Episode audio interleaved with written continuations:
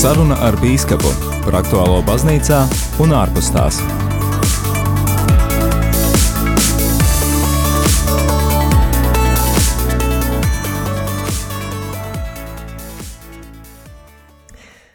Esiet sveicināti, darbie radio Marija Latvijas klausītāji! Ir mēneša otrā otrdiena. Šis ir laiks tikties ar kādu no Latvijas bīskapiem. Un šoreiz raidījumā sarunā ar bīskapu mans sarunu biedrs būs Liepājas diecēzes bīskaps Viktors Stulpins, lai ir slavēts Jēzus Kristus. Mūžīgi mūžam slavēts. Prieks atkal būt kopā ar radio klausītājiem un radio darbiniekiem. Klausītājiem arī noteikti prieks jūs dzirdēt. Parasti šis raidījums ir veltīts aktualitātēm baznīcā un pasaulē, bet eh, šoreiz, ekscelence, mēs varētu parunāt par tēmām, kas vairāk saistītas ar garīgo dzīvi.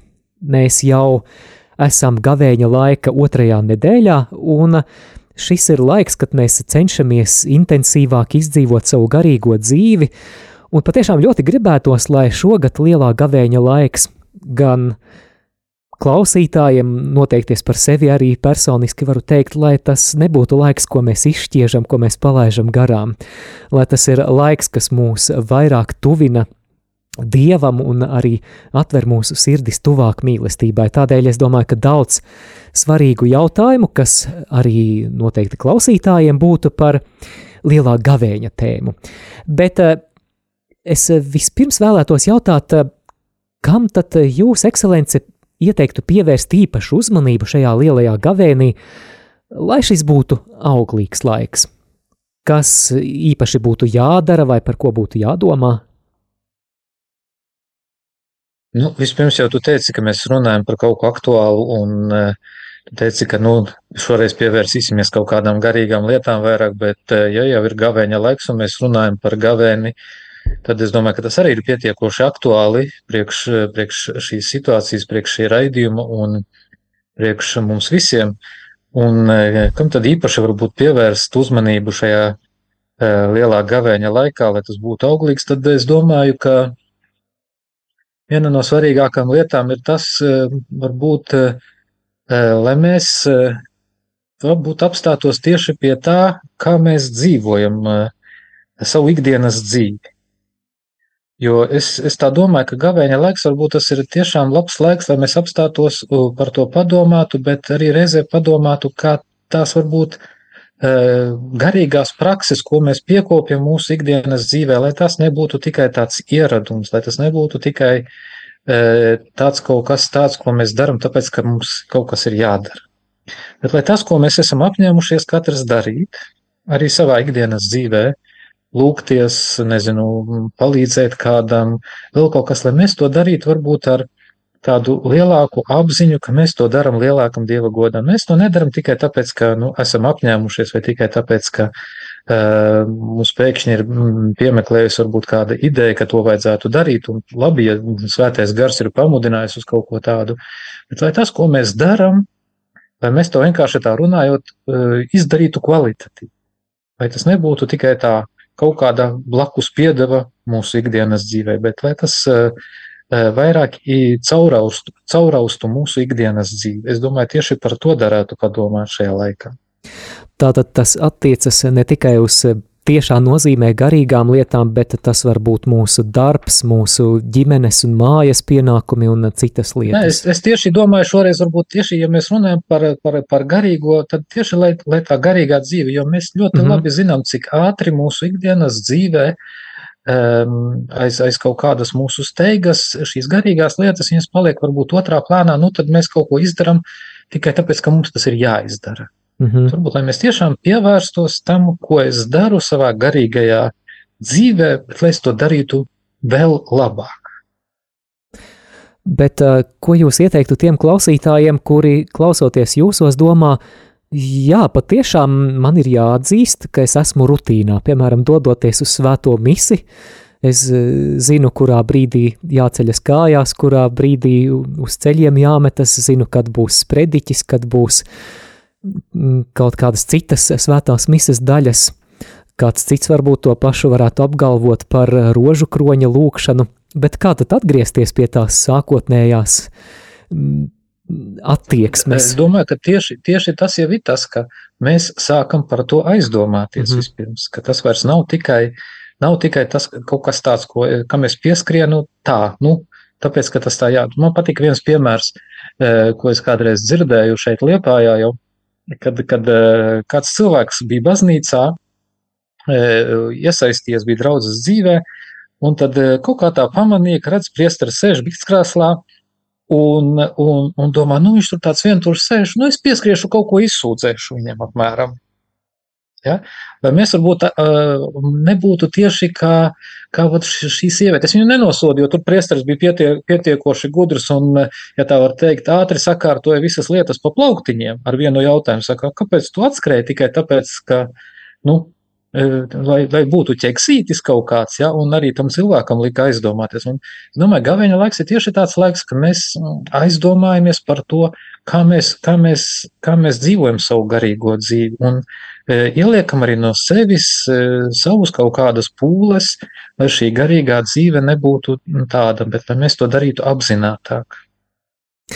Jā, man patīk tas šī doma. Viegli, bet, jā. tas, bet, tas, bet tam dēļ, tam dēļ ir šis gavēņa laiks, ir šīs sešas nedēļas, kurā mēs, mēs varam to darīt. Jā. Tas nav tā, ka tas, es tagad vienreiz aizdomāšos par to un, un viss man mainīsies. Tūlītās. Nē, es varu maz pamazām, jo e, man patīk arī, kā viens no maniem pasniedzējiem Krakovā kādreiz pateica, saka, e, Dievs nav burvis, Dievs nav maks, e, viņš ir procesa Dievs. Ja tā var teikt, viņam viss notiek procesā arī mūsu garīgā izaugsme, tas ir process. Un arī līdz tam, lai kaut kas mainītos, ir vajadzīgs piekrist, ka tas notiks procesā, ka tam būs vajadzīgs kaut kāds laiks.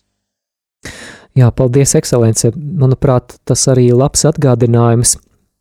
Nepieķerties tikai tām gavēņa ārējām izpausmēm, jo bieži vien mūsu prātu nodarbina domas tīri tehniski, no kā mēs varam atteikties, vai no, no gaļas, vai no kaut kā cita, bet tāds aicinājums atgriezties pie pie lietas būtības.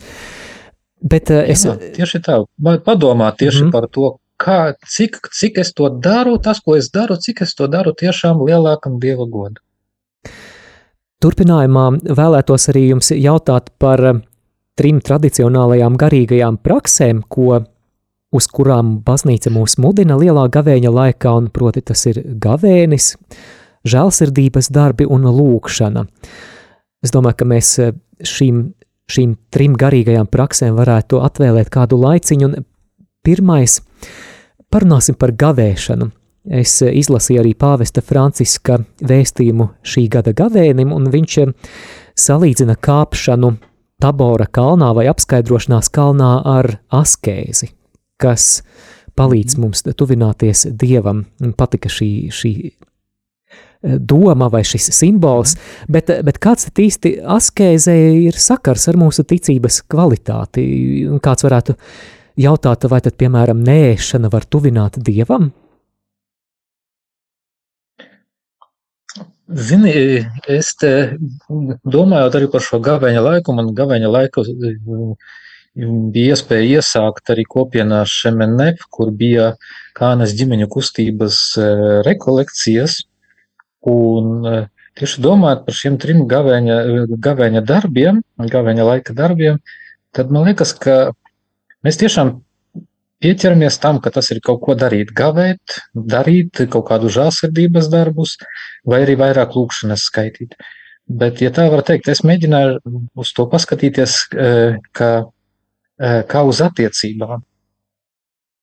Uz attiecībām pašam ar sevi ar tuvāko un ar Dievu. Un galvenais tas ir tāda zināmā mērā attiecības pašam ar sevi. Kad eh, es sāku aizvien vairāk pazīt sevi, pazīt eh, varbūt savas vērtības, to, kas man ir svarīgs, un mēģinu pazīt arī to, kas varbūt ir ieņēmis kaut kur kaut kādu eh, ne savu vietu manā dzīvē kaut kādas lietas, kaut kādas pieķeršanās, nezinu. Varbūt kādam arī tas ēdiens, varbūt, kā mēs jau pēdējā laikā bieži runājam, arī tas pats telefons, internets, vēl viss kaut kas, kas ir ieņēmis tik daudz vietas manā dzīvē, ka, ka Dievam vairs neatliek vietas, un es nevaru veidot līdz ar to arī tādas patiesas attiecības ar Dievu, jo es esmu piepildīts ar, ar, ar visu kaut ko citu. Un es vairs patiesībā aiz tā visa nepazīstu sevi. Nepazīstu, kāds es esmu. Es nevaru nostāties uh, visā patiesībā Dieva priekšā, jo man ir daudz kas, uh, kas mani piepildā no, no ārpuses. Un arī šī kāpšana Tabora kalnā, par kuru runā pāvests, arī ir zināmā mērā tāds uh, skaists simbols, jo, nu, ja mēs tā padomām, ko nozīmē uzkāpt kalnā, Tiem, kam ir bijusi iespēja pabūt svētajā zemē, kas ir bijuši arī šajā tabora kalnā, viņi zina, ka šis kalns tas nav tāds pauguriņš vienkārši. Tur šodien tur brauc augšā ar mašīnām pa, pa serpentīnu, bet toreiz kāpa cilvēki kājām, kāpa, un kas droši vien nebija vienkārši ceļš. Tas bija grūts ceļš, kur bija nu, droši vien arī gan sviedri, kaut kāds brīdis, kad jau pietrūka spēka, Tur bija arī kaut kāds, varbūt tāds, nu, vairs jau liekas, nu, kāpēc vēl kaut kur jākāp, ir, jā, kā tas arī dažkārt svētceļojumā gadās, ja, kad mēs ejam, jau liekas, kāpēc es vispār gāju, ja, mājās taču bija tik labi, es taču varēju palikt mājās, tik smuki tur un viss kārtībā man būtu. Un te ir tas, ka šis gavēšana, tā ir tāda iespēja iepazīt pašam sevi ar visām savām labajām pusēm un, un arī ar visām tām savām sliktajām pusēm. Un tieši uz tā balstoties, tad arī mēģināt pilnveidoties, arī palīdzot, palīdzot šai, šai, šim atsacīšanās no tām lietām, kurām es esmu pārāk pieķēries, kas man ir ieņēmušas pārāk svarīgu lomu manā dzīvē, bet kurām tā loma nemaz nepienākās tur. Kas, jūsuprāt, mūsu klausītājiem varētu būt šogad tā uzkāpšana Tabora kalnā, vai došanās uz kādām rekolekcijām, vai vienkārši varbūt televizora izslēgšana mājās? Tas ir jāizvēlās tiešām katram. Es nevaru tā pateikt, jo nu, katrs, tieši tāpēc ir svarīgi, lai katrs nostātos mm. tādā visā patiesībā Dieva priekšā un paskatītos uz sevi. Kas tad man e, e, atņem laiku pašam priekš sevis, kas atņem man laiku arī priekš Dieva un kas atņem man laiku priekš mana līdzcilvēka. Un varbūt tieši no tā arī atteikties, lai varētu laiku veltīt sev, tuvākajam un Dievam. Un tā būtu tā gavēšana arī. Kuras ārējā zīme var būt arī tā pati atteikšanās no televizora, kuras ārējā zīme var būt atteikšanās arī no kāda ēdiena, atteikšanās mazāk skatīties telefonā vai vai, vai tiešām iemācīties to, tās lietas lietot pēc viņu īstās nozīmes. Esmu dzirdējis diskusijas par to, vai šo atteikšanos lielajā gavēnī var veltīt konkrētā nodomā, piemēram, par mieru pasaulē vai par kādām citām vajadzībām. Vai tomēr mums būtu jāskatās plašāk, domājot par vispār lielā gavēņa būtību, par šo gandarīšanu, atgriešanos pie dieva? Nu, protams, ja, ja mēs sākam domāt arī par sevi sakārtošanu, es domāju, tas aiziet arī daudz plašākā mērogā pēc tam, jo, kā ir teicis, man liekas, ka kāds no senajiem austrumu baznīcas stāviem, es tagad neatceros precīzi, bet ja tu sakārtosi pats sevi, arī tev apkārtne sakārtosies. Mm -hmm tad arī sakārtosies tā mūsu tuvākā apkārtne, un jo vairāk mūsu tuvākā apkārtne sakārtosies, jo tas aizien, aizies plašumā. Un tiešām es domāju, ka tas ir arī tāds varbūt netiešs, um, netiešs darbs, kur mēs jau domājam arī par to pašu mieru pasaulē. Jo kurš no mums nevēlas mieru? Kurš no mums nevēlas uh, bieži vien tieši savu iekšējo mieru tādu, lai varētu pabūt uh, tādā, nu, tā, tiksim, varbūt tādā parasti lietotā vārdā, kā harmonijā pats ar sevi. Ja? Mm -hmm. Domāju, tas ir svarīgi. Tieši, ja mēs sakārtojam sevi, tad arī apkārtne mums sakārtojas. Vēl mazliet paturpinot par gavēšanu, kā vienu no garīgajām praksēm lielajā gavēnī, man vēl ir divi diezgan praktiskas dabas jautājumi. Pirmais, kā ir ar vecuma ierobežojumiem attiecībā uz gavēšanu? Tātad, kam gavēšana ir un kam nav saistoša? Nu, pēc tā, kā mēs skatāmies, tad tāda stingrā gavēšana, kas attiecās uz pelnu trešdienu un lielo piekdienu, tad tā saista visus vecumā no 21 līdz 60 gadiem. Ja atteikšanās no gaļas ēdieniem, kas ir tāda jau drusku, teiksim, vieglāka gavēšanas forma, tā saista no 14 gadu vecuma. Mm -hmm. ja? Bet tur tiešām to var arī katrs ievērot, arī, tiksim, arī mazāki var ievērot, bet vienmēr arī jāpadulūkojas tā, lai tā nenodarītu arī ar to sev pāri, jo, nu, ir jāskatās, cik ļauj arī mana veselība, ja, un ka, kas ir ar manas, manas, manu veselību, ja, jo, nu, bieži vien ir tā, ka cilvēks varbūt grib kaut ko darīt, bet nevienmēr viņam atļauj arī viņa veselība, jo gavēnis nav nobeigt sevi. Mm -hmm. Jā, nav, nav, nav mērķis nobeigt cilvēkam sevi, jā, ja tu vari sabojāt savu veselību. Es nedomāju, ka tas būs dievam patīkams upuris, ja mēs, uh, ja mēs jau tā būdami varbūt slimi kaut kur esam uh, vēl vairāk nodarījuši sev pāri. Gavēnim arī ir jābūt pietiekoši saprātīgam, tādam, kur es atsakos, bet varbūt, ja nav, ja es nevaru, at, ja es nevaru atteikties no gaļas, es atsakos no kaut kā cita un tādā veidā gavēju. Jā, bet tātad jā. tas parastais nu, nosacījums ir, ir tātad no, no 14 ir atteikšanās no, no, no gaļas ēdieniem, atturēšanās no gaļas ēdieniem, bet šajās divās lielajās dienās, gan pelnu trešdienā, gan lielajā piekdienā, tad ir visiem no 21 līdz 60 gadiem tā stingrā gavēšana, kas proti nozīmē, ka drīkst ēst vienreiz dienā līdz sātam, bet bez gaļas ēdieniem. Jautājums, vai ir atbilstoši gavēt lielā gavēņa laikā svētdienās? Nu, ir tāda seno baznīcas tēvu tradīcija, kas e, saka, ka svētdienās tomēr drusku var kaut kā vairāk atļauties sev. Un no svētdiena tomēr tā vairāk ir tāda augšām celšanās diena, arī, arī šajā gavēņa laikā mēs par to domājam, ka tā ir diena, kad, kad mēs pieminam Kristus augšām celšanos, pat ja tas ir gavēņa laiks. Ja? Mhm. Bet, es saku, ir, ir jājūt cilvēkam arī pašam sevi un jājūtas varbūt arī pamudinājums, kas nāk no svētā gara, kā es rīkojos. Jo viss tas ir tiešām veltīts arī cilvēku labumam, jo mm, es vienmēr mm, esmu pateicīgs Dievam par šiem diviem e, evaņģēlī fragmentiem. Tas ir par to, kur Kristus runā par gavēšanu un par, par sabatu, ja, kad tas viss ir iestādīts cilvēka dēļ, nevis cilvēks e, sabata dēļ vai gavēšanas dēļ. Ja. Ja cilvēks kaut ko labprātīgi uzņemās un dara to ar prieku un, un e, dara to ar, ar skaidru nodomu kaut kādu, tad, tad var arī, arī gavēt svētdienās, bet e, ja tur kaut ko, e, kaut ko svētdienas sev atļaus nedaudz vairāk, tad tas par skādi, es domāju, nenāks.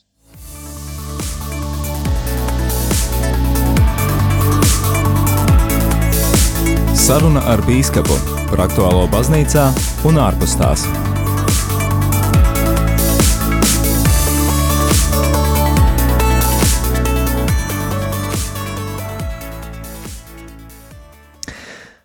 Turpinām raidījumu saruna ar bīskapu pie studijas pults un mikrofona es Māris Veliks, un šoreiz sarunājos ar Liepājas diecēzes bīskapu Viktoru Stulpinu. Mūsu sarunas temats šoreiz ir lielais gavēnis. Runājam par trim tradicionālajām garīgajām praksēm, par gavēšanu, žēlsirdības darbiem un lūkšanu. Ja pirms brīža mēs mazliet runājām par gavēšanu, tad pievēršamies arī žēlsirdības dāvanu došanai. Vispirms arī vēlos eh, atgādināt klausītājiem, ka šoreiz šis raidījums skan ierakstā, tāpēc, diemžēl, mums nav iespējas pieņemt jūsu jautājumus, bet cerams, ka eh, mēs apmēram, apmēram arī tad uh, spējam atbildēt uz tiem jautājumiem, kas varētu būt arī jūsējie. Bet par tām žēlsirdības dāvanām. Jā, baznīca gavēnī arī īpaši mudina atcerēties par tām Bet šodien interesanti laiki, komunālie maksājumi ir ļoti, ļoti pieauguši, arī citas cenas ir ļoti kāpušas, un nereti cilvēkiem ir grūti savilkt galus, dzīvojot no algas līdz algai. Ekscelence, kā jūs domājat, vai šis ir labs aizbildinājums izlaist žēlsirdības dāvanu došanu? Nu, redzi, tā kā es teicu iesākumā, nu, tātad, ja gavēšana, tas ir tāda attiecību sakārtošana pašam ar sevi, ar to, kas es esmu. Tad žēlsirdības dāvanas, es domāju, tās ir attiecību sakārtošana ar otru cilvēku, un tas nozīmē, ka pamanīt tā otra cilvēka vajadzību. Un šeit varbūt nevienmēr ir vajadzīgs uzreiz kaut kāda varbūt nauda, jā, vai kaut kas tāds, bet, bet tiksim, pievērst uzmanību otram cilvēkam un veltīt viņam laiku. Domāju, ka par to mēs arī varētu padomāt, un arī, arī tā var būt tāda žēlsirdības dāvana uh, otram cilvēkam, kas varbūt daudzkārt ir daudz vairāk vajadzīga nekā arī tā nauda. Protams, komunālo maksājumu cenas ir kāpušas, taču šeit es uh, jau nevienreiz vien esmu runājot ar cilvēkiem teicis, es vienmēr apbrīnoju tos mūsu vecākos cilvēkus, cienījamos gados cilvēkus, kuri spēj izdzīvot arī ar, ar šīm visām cenām un, un vēl spēja palīdzēt. Jo man, man spilgta atmiņā ir vēl viena uh, veca kundzīte, kuras jau pirms daudziem, daudziem gadiem pavadīju uh, koknesē pēdējā gaitā. Tad uh, tas arī bija, tie, tie arī bija tādi krīzes laiki, tas bija 2008. 2009. gads, kad bija šī ekonomiskā krīze. Un tad, kad es uzzināju, ka šī kundzīte, kas dzīvoja no pensijas, kurai dēls bija eh, vēl uz kakla, ja tā var teikt, tāds alkoholists, ka viņa neskatoties uz to visu spēja sakrāt naudiņu uh, savām bērēm un vēl atstāja zināmu diezgan lielu naudas summu savam dēlam mantojumā, tad es domāju, ka te ir arī tas ir tā, ir tā lielā māksla, kas cilvēkam ir jāmāk dzīvot dažādos laikos. Tas, ko apustulis Pāvils, man liekas, arī saka e, svētajos rakstos, ja, ka es protu dzīvot pārticībā un es protu dzīvot arī nabadzībā. E, es protu dzīvot jebkurā manās dzīves situācijā, un tas ir tas, kas mums arī ir jāmācās, lai arī kā būtu, man ir jāprot dzīvot, bet arī ir jāprot pamanīt otrs cilvēks, kas man ir blakus. Un e, cik lielā mērā un kā es viņam varu palīdzēt. Jā, klausoties jūsos, man nāk prātā arī tas, ka mēs varam runāt arī par garīgajiem žēlsirdības darbiem. Tātad ne tikai materiālās izpausmēs, bet garīga žēlsirdības darbi, kā, kā padoma sniegšana vai uzklausīšana un, un cita veida nemateriāls atbalsts. Bet eh, runājot par žēlsirdības dāvanām, es domāju, ka mums lielas iespējas arī ir uzmeklēt dažādus labus labdarības projektus, ir gan Karitas mums baznīcā, ir Ziedot LV, kur var uzmeklēt arī kādus projektus, kurus, kuros iesaistoties mēs varam arī dot šīs žēlsirdības dāvanas. Bet man šķiet, ka cilvēkus vairāk mulsina tās situācijas, kad um, rodas jautājums, vai man ziedot vai neziedot eh, kādam ubagam, kas satikts uz ielas. Es zinu, ka daudziem ir diezgan bēdīga pieredze, ka varbūt tā iedotā naudiņa, kas ir bijis patiešām celsirdīgs žests un no sirds, tad nu, to, tomēr tālāk tiek izmantota nevisai labiem mērķiem, alkoholam vai kādām citām lietām. Kāda jums pieredze un ko jūs ieteiktu klausītājiem, ja satiek kādu ubagu, kurš lūdz naudiņu, kā rīkoties? Nu, e, te man atkal ir jāatsaucās uz kādu pieredzi, kas ir manam priekšgājiem biskupam e, Andrejam Brumanim, kad viņš atbrauca no Romas, viņš mums arī stāstīja, ka tur ir diezgan daudz šo nabagu, un kas nāk un lūdz, un tu nezini vienmēr, kas viņi ir un kāda viņam tā palīdz, kur tā palīdzība nonāks, un man pašam ir bijusi arī tāda iespēja redzēt, kā reāli tā, tā palīdzība varbūt nonāk nu, droši vien ne tur, kur vajadzētu nonākt, kad eh, pat Rīgā pie, pie semināra, tur, kur tas dzelzceļa tilts ir, kā, kā tur ubagoja viens zēns, un, un tiklīdz viņam kādu naudu kāds iedeva, tā tur viņš aizskrēja un turpat krūmos. Iespējams, ka tie bija viņa vecāki, nezinu, bet vīrietis un sieviete stāvēja, viņš to naudu atdod viņiem. Un tie nu, cilvēki izskatījās, nu, nu, kā tagad mēdz teikt, nu, nelabvēlīgi cilvēki. Ja?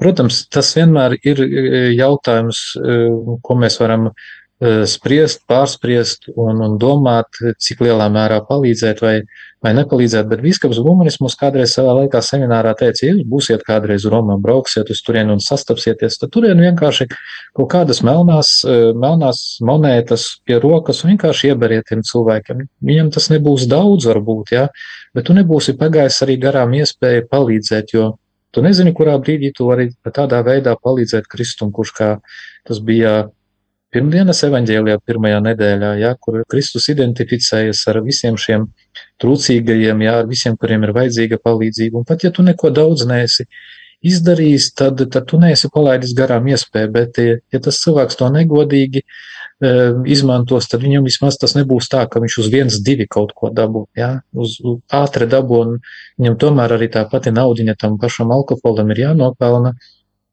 un gal galā reizēm tas cilvēks varbūt, kas tur arī ir uz ielas, nu, varbūt tas ir vienīgais viņam, ja tā var teikt, līdzeklis, kā sasildīties arī, jā, un, ja varbūt viņš nenopirks daudz, bet viņš varbūt kaut cik necilki var, var arī sasildīties. Es neataisnoju tādā veidā dzeršanu un palīdzēšanu alkoholiķiem, jā, bet reizēm uz ielas ir tā. Bet man pašam arī šeit Liepājā ir kāds viens, es viņu saucu par savu draugu, kurš laiku pa laikam parādās pie katedrāles, viņš tur arī ubago, bet es viņam nekad nedodu naudu praktiski. Reizēm es esmu sakrājis varbūt kaut kādas tās tukšās plastmasas pudeles, es vienkārši iedodu, lai viņš aiznes uz depozītu nodod, un tad viņš tur dabūna savu kaut kādu naudiņu. Vai arī, teiksim, es viņam kādreiz iedodu vienkārši ēdienu. Man patīk, ka šis cilvēks tiešām ir, nu, var redzēt, viņš nav, nu, viņš ir ielas cilvēks, bet viņš ir pateicīgs arī par to, ka tu viņam iedod to ēdienu, viņš vienmēr novēl, lai tev jauka diena, un, un kaut kā tā, nu, tam tas cilvēks var redzēt, ka, nu, Nav, viņš nav labvēlīgas vides, un, un, un viņš arī lieto alkoholu, es zinu, bet vismaz es nespo, nesponsoroju viņam to. Es viņam mēģinu iedot to, kas varbūt arī viņam tiešām ir vajadzīgs, un, un kur viņš var arī kaut vai kādreiz paēst.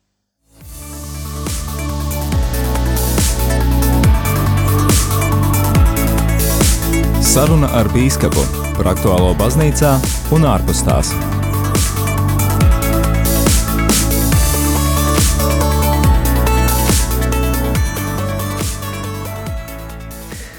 Skan raidījums sarunā ar bīskapu, un šoreiz kopā ar mums liepājas diecēzes bīskaps Viktors Stulpins. Ar viņu sarunājos es, Māris Veliks, un sarunas tēma mums šoreiz ir par lielo gavēni. Runājam par trim garīgajām praksēm, runājām par gavēšanu, par žēlsirdības darbiem. Man ļoti patika doma, ko jūs teicāt, ka gavēnis ir attiecību sakārtošana pašam ar sevi, žēlsirdības darbi ir attiecību sakārtošana ar citiem, tad sanāk, ka attiecību sakārtošana ar Dievu ir lūkšana, vai ne? Mhm. Loģiski. Jā, tad parunāsim, parunāsim par lūkšanu. Kāda jums, ekscelence, ir mīļākā lūkšana, ja drīkst jautāt, varbūt personisks jautājums, vai lūkšanu veids, kas ir tas attiecībās ar Dievu, kas jums palīdz viņam tuvoties un uzturēt attiecības ar viņu? Nu, viens no maniem mīļākajiem lūkšanu veidiem, ko es arī cenšos, eh, ja tā var teikt, drusku popularizēt, eh, tas ir eh, šautru lūkšana. Zini, kas tas ir, ne? Jā, bet varbūt kādi klausītāji nezina.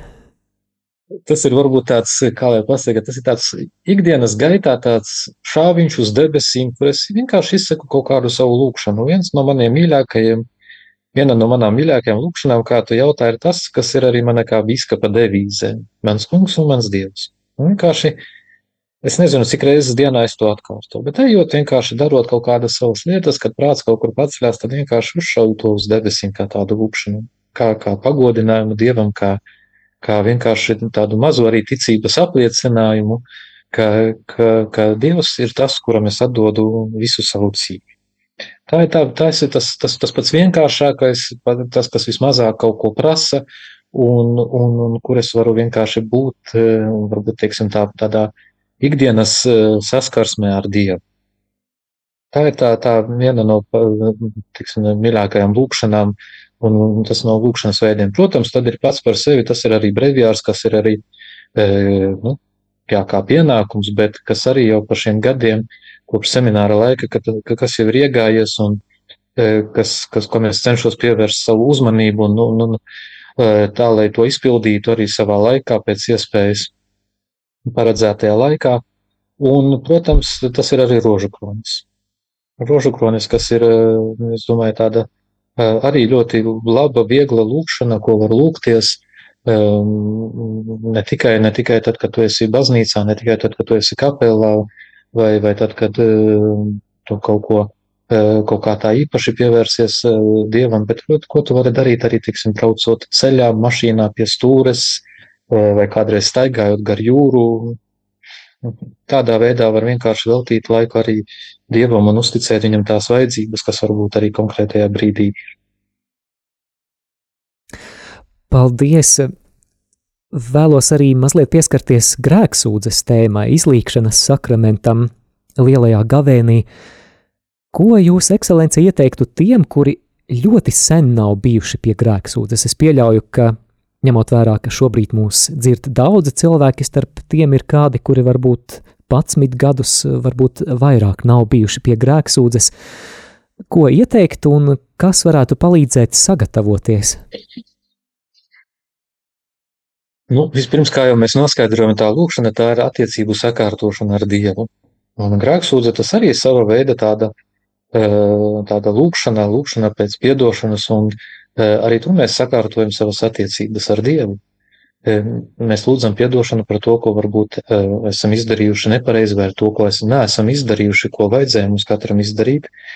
Un varbūt tieši šis gavēņa laiks, lai ir tas laiks, kad Tad, kad mēs aizdomājamies par sevi, par attiecībām ar tuvākiem, tad aizdomātos arī par attiecībām ar Dievu un neatliktu kaut kā to e, grēksūdzi līdz kaut kādam īpašam gadījumam, īpašai kaut kādai vajadzībai vai īpašam kaut kādam mūsu pārdzīvojumam, bet, bet tiešām vienkārši piesaistos paši pie sevis un, kā jau es teicu, sākumā iepazīstot sevi, tad atklātu, kas tad kas tad ir arī tas, kas mani attālina no Dieva, kas, kas šķir mani no Dieva, pat ja ne, ne tādā pilnīgā veidā, kad, kad tiek izdarīts kaut kāds tāds milzīgs grēks, bet arī, kad es savā ikdienas dzīvē ar savām, um, saviem mazajiem grēkiem, ar kaut kādām savām nepilnībām, kad es, es kaut kur novēršos no Dieva vai, vai teiksim, ja tā mēs tā cilvēciski skatītos, jā, iedomājas, ka tu, ka tu esi attiecībās uh, ar cilvēku, bet vienmēr pret viņu stāvi kaut kā ar sānu, Jā, nevis, nevis skaties tieši cilvēkam virsū, neskat, neskaties cilvēkam acīs, bet skaties kaut kur sānis, kaut kur tā, kas liecina, ka nu, nav viss labi mūsu starp. -hmm. un, un tad varētu, teiksim, padomāt, kas tad ir šīs lietas, un ka vajadzētu to visu sakārtot, vajadzētu par to visu atkal izrunāties, uzticēt Dieva neizmērojamai žēlsirdībai, lai viņš varētu to piedot, un lai mēs atkal varētu droši skatīties uz viņu. Un sagatavoties, tas ir tas, ka e, vajadzīgs, protams, ir laiks. Laiks, kas, ko, mēs, ko mēs veltam sev, un tad mēs uh, varam pamanīt arī šīs lietas, kādas mūsos ir nepilnīgas, kuras mēs varam uzticēt Dievam. Tas ir tas pirmais. Protams, uh, sagatavojoties vienmēr, var, es arī mudinu cilvēkus izmantot parasti lūkšanu grāmatiņu. Ja nevar citādāk nekādi, tad vismaz lūkšanu grāmatiņā, tur, kur ir sirdsapziņas izmeklēšana, vai ir arī kaut kur flyerīši vēl dažkārt tabonam baznīcās, kur ir tāda atsevišķa sirdsapziņas izmeklēšanas jautājumi, kas, kas palīdz daudzkārt. Atcerēties to, ko mēs esam aizmirsuši, jo sevišķi, ja cilvēks gadiem ilgi varbūt nav bijis pie grēksūdzes, tad daudzas lietas viņš neatcerās, bet pārlasot šos jautājumus, kaut kas cilvēka atkal iznāk ārā viņš var atcerēties to, ko, e, to, ko viņš jau ir paspējis aizmirst arī. Varbūt. Un tas var būt liels palīgs cilvēkam sagatavoties. Bet pāri visam mhm. e, vienmēr es gribu mudināt arī cilvēkus un mudinu tiešām, lai mēs nebūtu tā, ka mēs tikai skatāmies to, kas mūsos liks, bet pamanītu to labo, lai mēs zinātu to bāzi, uz kā mēs varam pēc tam būvēt atkal savu, savas attiecības ar Dievu. Ir jāpamana tieši arī tas labais, ir jāmēģina varbūt arī, ja sākam grēksūdz, arī kaut vai īsos vārdos pateikties Dievam par to labo, kas ir bijis mūsu dzīvē, kur mēs esam spējuši būt vienoti ar Dievu, mēs esam spējuši dzīvot saskaņā ar Dieva nodomu, kuru mēs esam atpazinuši viņa gribu un esam tai atbildējuši. Un pēc tam tikai tad arī nosaukt to, kas, eh, kas mani vēl attālina no Dieva, kur es vēl neesmu pilnīgi tāds veltīts Dievam, eh, ka mana dzīve būtu tā sakārtota, ka Dievs, Dievs būtu tiešām pirmajā un svarīgākajā vietā manā dzīvē.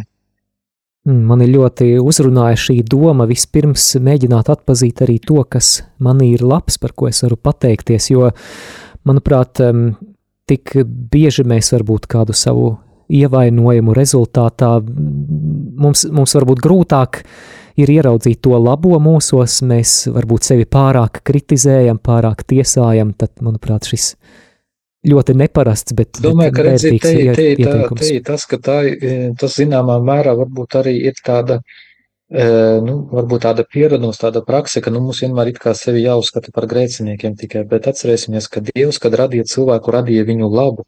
Mm -hmm. Tas ir pateikts Bībelē pašā sākumā, kad tad, kad Dievs radīja cilvēku, tad viņš redzēja to labu esam. Un, un, un ir jāpamana šis labais, jo tas, kas ir sliktais, tas nāk no, no ļaunā. Jā? Viņš jau mēģina vienmēr cilvēku, cilvēkam aizmiglot to skatienu uz Dievu, lai viņš nepamanītu to labo, kas ir viņā no Dieva. Un visa patiesība par cilvēku ir tieši tāda, ka mūsos ir šī dievišķā dzīve, bet, bet mēs vēl aizvien esam vāji, un mēs vēl dažkārt neesam,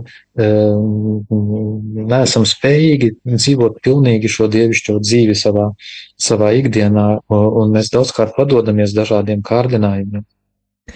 Saistībā ar grēksūdzi man vēl ir kāds jautājums, par ko es diezgan daudz esmu domājis pēdējo mēnešu laikā, varbūt pat pēdējā gada laikā, un es domāju, ka tas varētu rezonēt arī daudzu klausītāju sirdīs.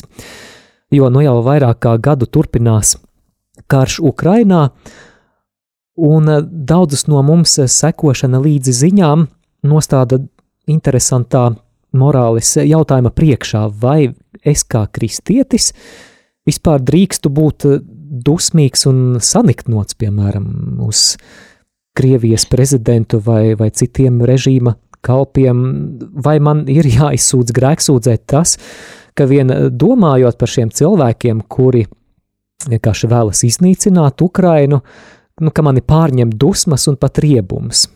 Kā, kā ar šīm sajūtām tikt galā un vai tas ir grēksūdzes materiāls? Nu, Te mēs atkal atsauksimies uz svētiem rakstiem, kā tu zini, kompletorija ir viens no svēto rakstu lasījumiem, kurā ir skaidri gaiši pateikts.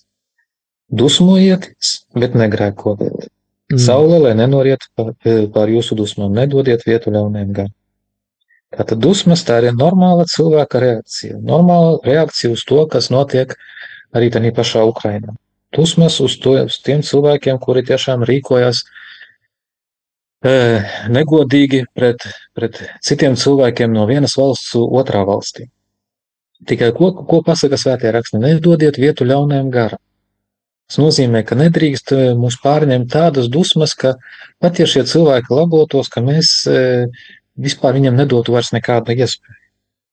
Ka viss mēs viņus tik tālu norakstam, ka nu, mēs ieņemam zināmā mērā jau dieva vietu, un mēs viņus nosodam tā, ka viņiem ir vieta tikai ellē.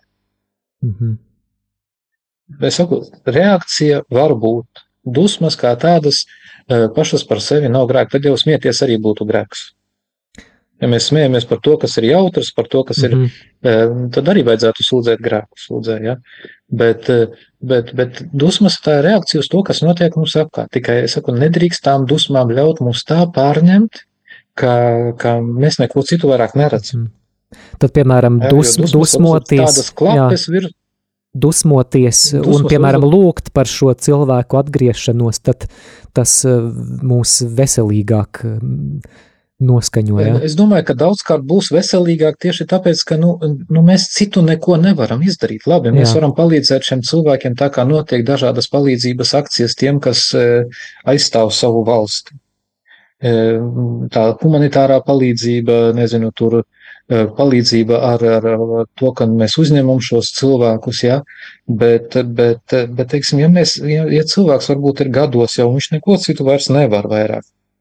Viss, ko viņš var, lielākā daļa tas ir, viņš var lūgties, un es domāju, ka tas būtu daudz, daudz vērtīgāk, ja vēl vairāk cilvēki savienotos lūgšanā, un es gribētu arī aicināt, un, un varbūt jau paziņot cilvēkiem, ka tieši 11. martā